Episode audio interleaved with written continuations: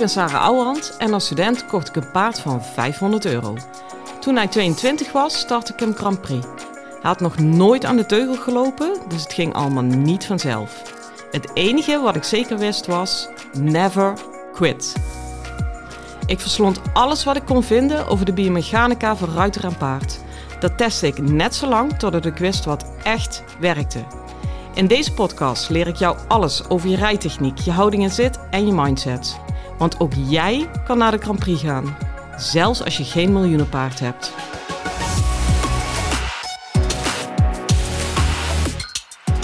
Hey lieve paardenmensen. Ik heb vandaag een uh, hele stille, saaie, stijve dag. Ik zit echt al de hele dag achter mijn computer.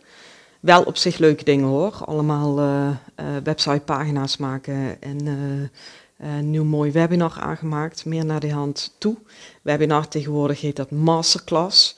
En ja, ik schrijf natuurlijk ook vrij veel, ook de stukken voor de hoefslag. Dus op zich, het bezig zijn met teksten vind ik niet heel verkeerd. Maar een hele dag, terwijl ik denk, oh, ik zou eigenlijk liever in het zadel zitten. Maar ik ben best een beetje trots op mezelf, want ik heb mezelf gedwongen om niet naar mijn paard te sneaken. Want dat is echt, als je eigen baas bent, dan ehm, kan dat in principe. En toch heb je het gevoel dat je spijbelt. Dus ik denk, ja, weet je, dan zit ik toch weer half op mijn paard. Dus ik doe het niet waar ik graag grote hulde voor krijg.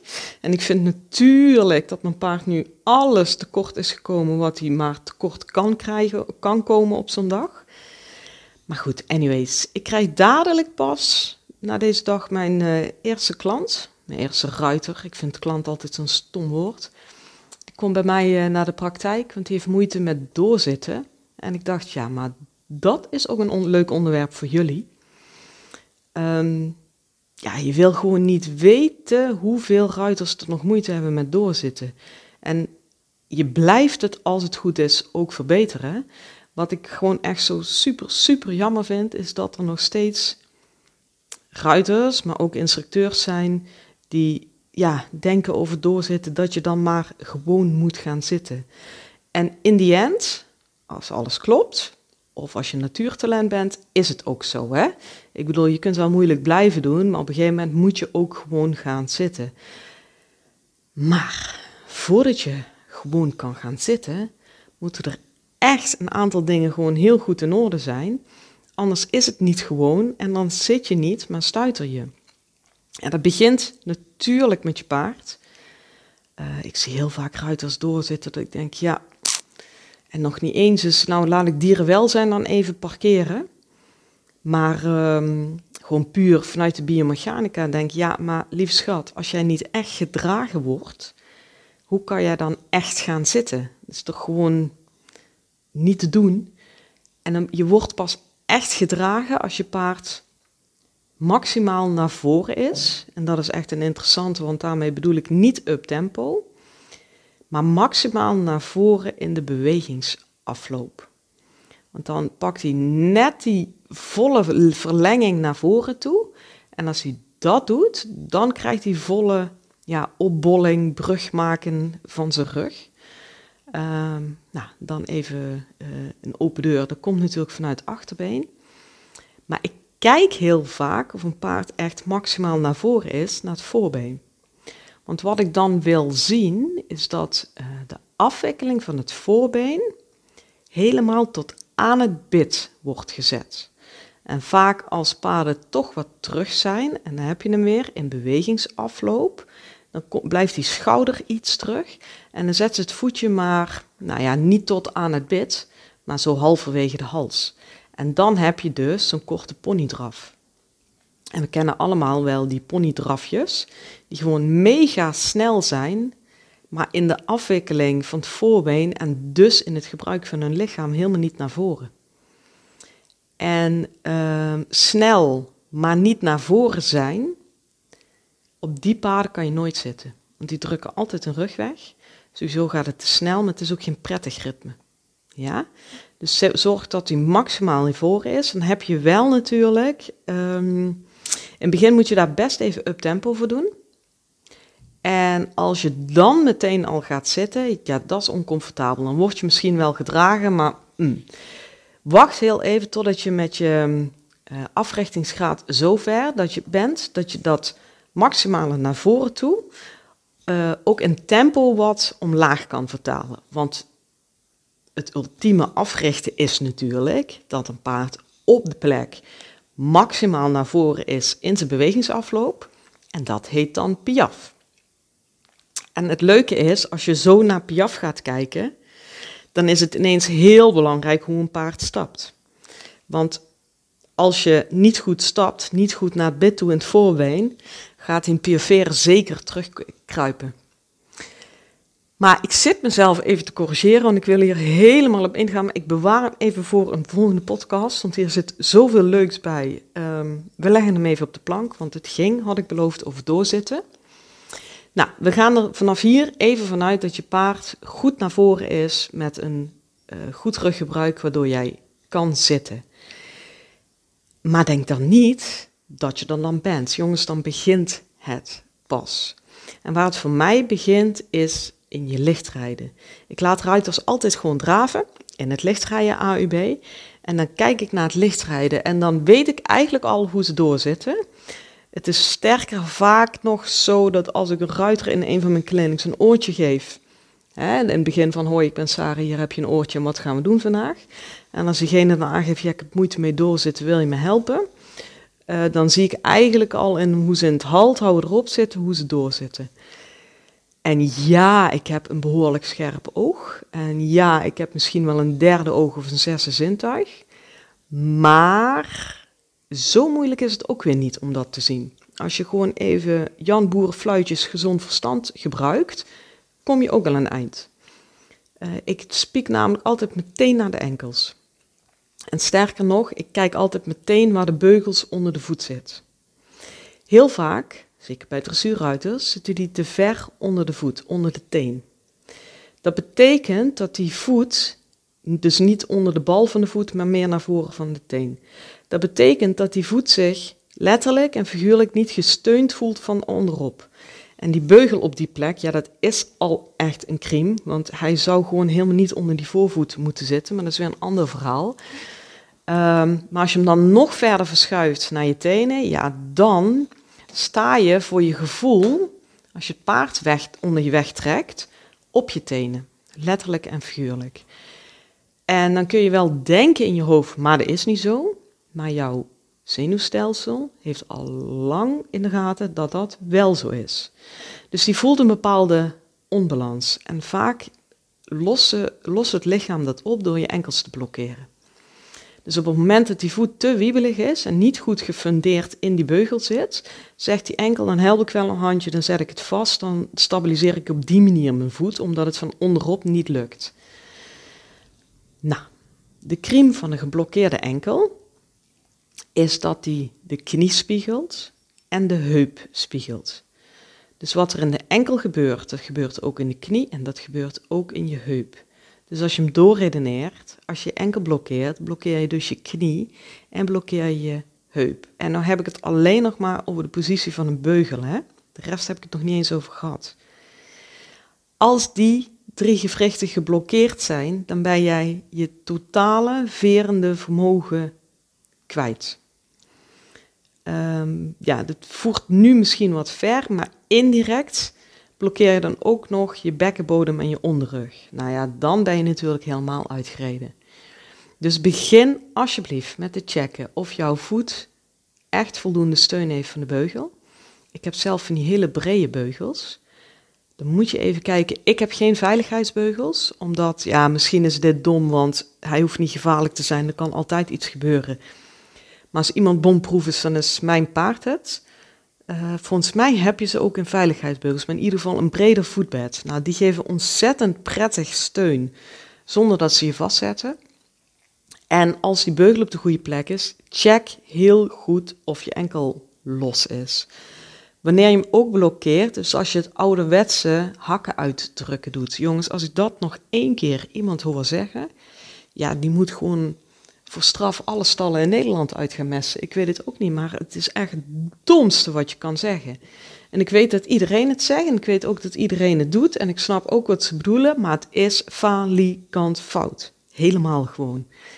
Omdat als je actief, en dan heb ik het door spierspanning, je hakken omlaag gaat drukken, blokkeer je altijd je enkel. Nou, dat is dus met wat ik je net heb uitgelegd niet een hele goede zet om überhaupt goed te kunnen zitten, laat staan doorzitten. Kijk, moet je dan uh, op je tenen staan of om je hak omhoog trekken? Nee, maar als je je hakken omhoog trekt, dan komt dat weer vanuit je onderrug. Want trek je onderrug maar eens kort aan en je hakken gaan vanzelf mee. Dus dan is niet de oplossing als je onderrug te kort is, om dan met die hakken als een malle naar beneden te gaan duwen. En terwijl je dus twee kanten op jezelf forceren en het strekken, dan is de oplossing door je onderrug lang te maken of te ontspannen, waardoor je been op een natuurlijke manier uit je bekken kan vallen en daardoor je uh, hak gewoon ontspannen horizontaal naar beneden kan vallen. Ik zeg altijd van niet actief naar beneden drukken met je spieren, maar je kunt er wel iets aan hebben als je denkt ik laat het gewicht van mijn been in de beugel vallen. Dus dan, geef je het eigenlijk over aan de zwaartekracht. Is een passieve manier om naar beneden toe druk op te zoeken. En zelfs druk opzoeken durf ik al niet te zeggen, contact aan te nemen. Oké, dus dat is je enkel. Ja, ik kan je helemaal van onder tot boven, tot in je kruin, tot het gebruik van je kaken zo helemaal nalopen om alles ehm, te laten zien wat invloed heeft op de doorzitten. Dat doe ik overigens ook. En dit is geen uh, verkapt promopraatje, want ik denk er echt oprecht nu pas aan. Ook goeiedag schotel. Maar ik heb een cursus bij Academy for Horses. Dat is ehm, het cursusplatform van de Hoefslag. Daar heb ik een complete cursus over doorzitten. En daar komt dit allemaal aan bod. Dus dan neem ik je echt, dan licht ik je van onder tot boven helemaal door. Kijk daar alsjeblieft naar als je daar niet uitkomt. En zelfs als je wel goed doorzit, die, die cursus, ik zou hem eigenlijk ook anders moeten noemen. Want hij, is, um, hij gaat, loopt gewoon de hele biomechanica van de ruiter door. Dus alleen al daarvoor is hij interessant. En ook daarin maak ik mijn punt dat doorzitten is een eindstation. En dat is ook het punt van deze podcast. Als iemand mijn oortjes aanneemt aan het begin van de les en ik zie die enkels helemaal geblokkeerd, ga ik gewoon niet met haar doorzitten. Omdat het gewoon nergens toe leidt. Wat ik dan ga doen, is een weg zoeken. Hoe ontspan je je enkel? Nou, dan kijk ik altijd, is het de oorzaak de beugel? Of de oorzaak een tekorte onderrug? Zo zijn er nog wel meer dingen. En vanuit de ontspannen enkel ga ik doorwerken. En dan kom ik heel vaak op het punt dat ik zeg, ja, ga nou eens doorzitten. En dan ineens, die tovenaar, gaat dat beter. Ja, het is altijd wel best wel een beetje leuk scoren van, want dat lijkt dan ineens. Maar dat is het natuurlijk niet. Want het is gewoon super logisch. Je moet het echt, echt goed opbouwen. En waarom je het ook goed moet opbouwen, en dat is echt een stukje mindset. Iedere meter dat jij doorzit dat niet goed voelt en niet goed kunnen doorzetten, is echt heel onaangenaam, op een best indringende manier vaak. Um, vertel, dan vertel je je, of dan slijt je eigenlijk het patroon van doorzitten is moeilijk en doorzitten is ruk, dieper in in jouw mind en je lichaam. Dus dan ben je echt achterover en achteruit aan trainen. Want de volgende keer dat jij gaat zitten om te doorzitten, denk je op alle mogelijke manieren, fysiek en mentaal, daar gaan we weer. Dus je begint al met spanning opbouwen nog voordat je zit. Ja, terwijl doorzitten is het ultieme meebewegen. Die spanning kan je helemaal niet gebruiken. Ehm, dus uh, in het Engels zeggen ze dan set yourself up for success. Zorg dat het kan gaan lukken. Ik heb ook echt altijd met ruiters te doen die dan zitten te ploeteren en laat staan de manegelessen waarin ze zeiden, ja, we gaan nu doorzitten, beugels over het zadel. Ja, jongens, echt, gewoon een crime. Soms, ik wil niet zeggen dat niks werkt, hè? want als het voor jou heeft gewerkt, helemaal doen. Maar het gros van de ruiters wordt hier gewoon niet beter van. Ook omdat dan die beugels onder die voeten zijn, weg zijn. Dan mis je weer die steun. Dus het lichaam gaat alleen maar meer zoeken op een andere manier naar steun. Ook je hele beenligging, eh, de invloed op de bek en alles wordt anders. Dus daarna heb je beugels weer aan en denk je, oh, zo lukt het niet. Ja, nee, snap ik. Um, ja, ik had mijn punt al gemaakt, hè, bouw het op, maar ik wil me daar zo hard van maken, want het scheelt gewoon geploeter. En als ik het niet voor de ruiters doe, dan doe ik het wel voor de paden. Ik geef je nog één hele fijne tip voor het doorzitten. Wat ik heel vaak zie doen in uh, bij mensen in het doorzitten is overstrekken. En dan bedoel ik eigenlijk dat je rug hol wordt. Dan denk je, ik maak me lang en ik ga goed lang zitten, maar ondertussen trek je je eigen onderrug kort. Nou, waar zit de grens van overstrekken? Ik let dan altijd heel goed op het borstbeen van ruiters en als ik zelf rij op mijn eigen borstbeen. Het borstbeen zit, sommige mensen weten het echt niet, dus ik zeg het, uh, tussen je borsten in en dan boven je borsten precies in het midden. Voordat je tussen je borsten gaat zoeken. Ja, daar zit je borstbeen. Op het moment dat jij overstrekt, komt dat hard naar voren. Dat wordt, wordt een beetje puntig naar voren. Dat is het moment eigenlijk, doe het maar eens een beetje hard naar voren brengen. Dat is ook het moment waarop je je onderrug en dus je bekken en dus je verend vermogen uit het verband trekt. Dus wat een hele fijne kan zijn, dat ik hem omdraai, dat ik zeg, als je gaat zitten om door te zitten, maak dan eens niet zo'n alfa mannetje borst, maar hou je borstbeen zacht. En echt geloof me, juist als je iets moeilijk vindt, of je gaat je best zitten doen, dan ga dat borstbeen op een harde manier naar voren brengen. Dat gebeurt iedereen, dus het, het, moet ook gewoon bij jou gebeuren. De vraag is alleen, wat vind je moeilijk en wanneer vind je het spannend? Nou, dat zijn de momenten waarop dat gebeurt.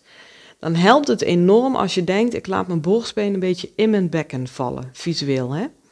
Dan krijg je echt een verzachting op dat gebied, waardoor je echt makkelijker in je bekken, onderrug en dus in je verend vermogen komt. Dat is niet zo gek, hè? dat is hetzelfde namelijk bij tuigers. Uh, nee, bij paarden, maar bij tuigers zie je het extra goed, zo moet ik het zeggen. Je kent die tuigers, die, die kunnen echt met een borst zo naar voren lopen en dan die kop zo omhoog. En dat, dat borstbeen komt bij sommigen echt heel puntig naar boven, naar voren. En daarbij drukken ze hun rug weg. Terwijl een paard dat verzameld is, dus aangesloten op de juiste manier, die brengt zijn borstbeen juist omhoog, een beetje naar binnen toe, zacht naar achter, omdat hij die schoflift heeft. Maar dat, dat brengt hem, als je vanuit het borstbeen bekijkt, brengt hem dat in een zachte verbinding. Nou, wat nieuw? Paarden spiegelen. Jij spiegelt het paard ook. Bij jou werkt het net zo. Als je je borstbeen zacht naar binnen houdt, en ik heb het niet over het afbollen van de schouders, hè. Het is millimeterwerk. Maar als je je borstbeen zacht houdt, dan kom je veel makkelijker op verbinding, waardoor je veel makkelijker kan doorzitten. Lieve mensen, ik kan hier tot vannacht over praten als ik wil. Dat ga ik maar niet doen. Denk nog even aan mijn cursus. Als je gewoon Google intikt, doorzitten, Sarah Ouwehand, kom je er vanzelf op uit. En check dat even en doe jezelf een plezier om die aan te schaffen als je er moeite mee hebt. Als je nu al genoeg hebt van deze tips, wens ik je daar super veel succes mee. Ik wens je een hele mooie dag en veel plezier met je paard. Hoi!